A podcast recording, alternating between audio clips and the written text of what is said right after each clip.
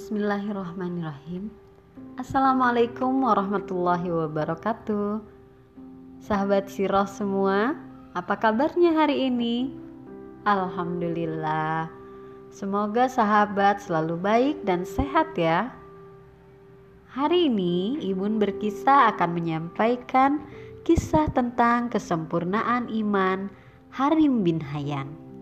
Buku ini dikisahkan dari Buku Pintar Iman Islam Jilid 1 tentang mengenal iman dan Islam. Baiklah, kisah pertama akan Ibun sampaikan. Selamat menyimak. Kesempurnaan iman Harim bin Hayyan. Dikisahkan ada seorang tabi'in yang selalu berjihad dengan ikhlas dia tidak kenal kata lelah. Namanya Harim bin Hayyan. Keimanannya sempurna. Suatu hari, saat dalam peperangan, Harim bin Hayyan terluka parah. Bahkan, tabib pun tidak sanggup mengobatinya. Sahabat-sahabat Hayyan sangat mengkhawatirkannya. Beramai-ramai mereka menjenguk Hayan. Hayan terbaring lemah di atas tempat tidurnya. Sahabat-sahabatnya merasa sedih melihatnya. Buatlah wasiat untuk kami, kata mereka. Sambil menahan rasa sakit, Hayan pun berkata, "Jualah baju zirohku lalu bayarlah utangku. Jika tidak cukup, jualah budakku. Ku nasihati kalian dengan penutup surat An-Nahl.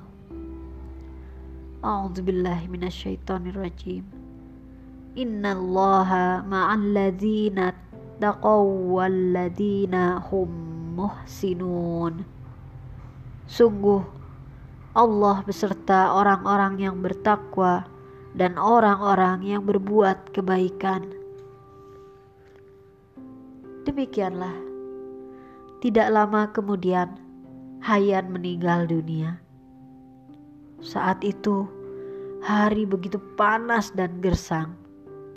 Matahari bersinar terik. Setelah Hayan dimakamkan, tiba-tiba terjadi sebuah keajaiban Langit yang tadinya begitu cerah seketika tertutup mendung. Lalu turunlah hujan yang sangat lebat hingga pusara Hayan basah oleh hujan. Nah, sahabat siroh semua dan adik-adik yang ibun sayangi, hikmah apa yang bisa diambil dari kisah Hayan Harim bin Hayan ini?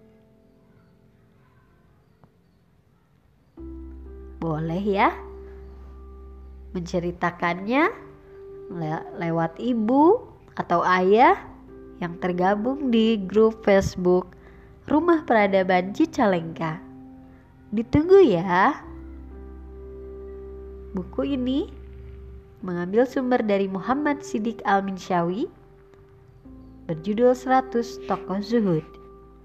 Terima kasih sahabat Siro dan adik-adik semua yang sudah menyimak. Sampai jumpa lagi. Wassalamualaikum warahmatullahi wabarakatuh.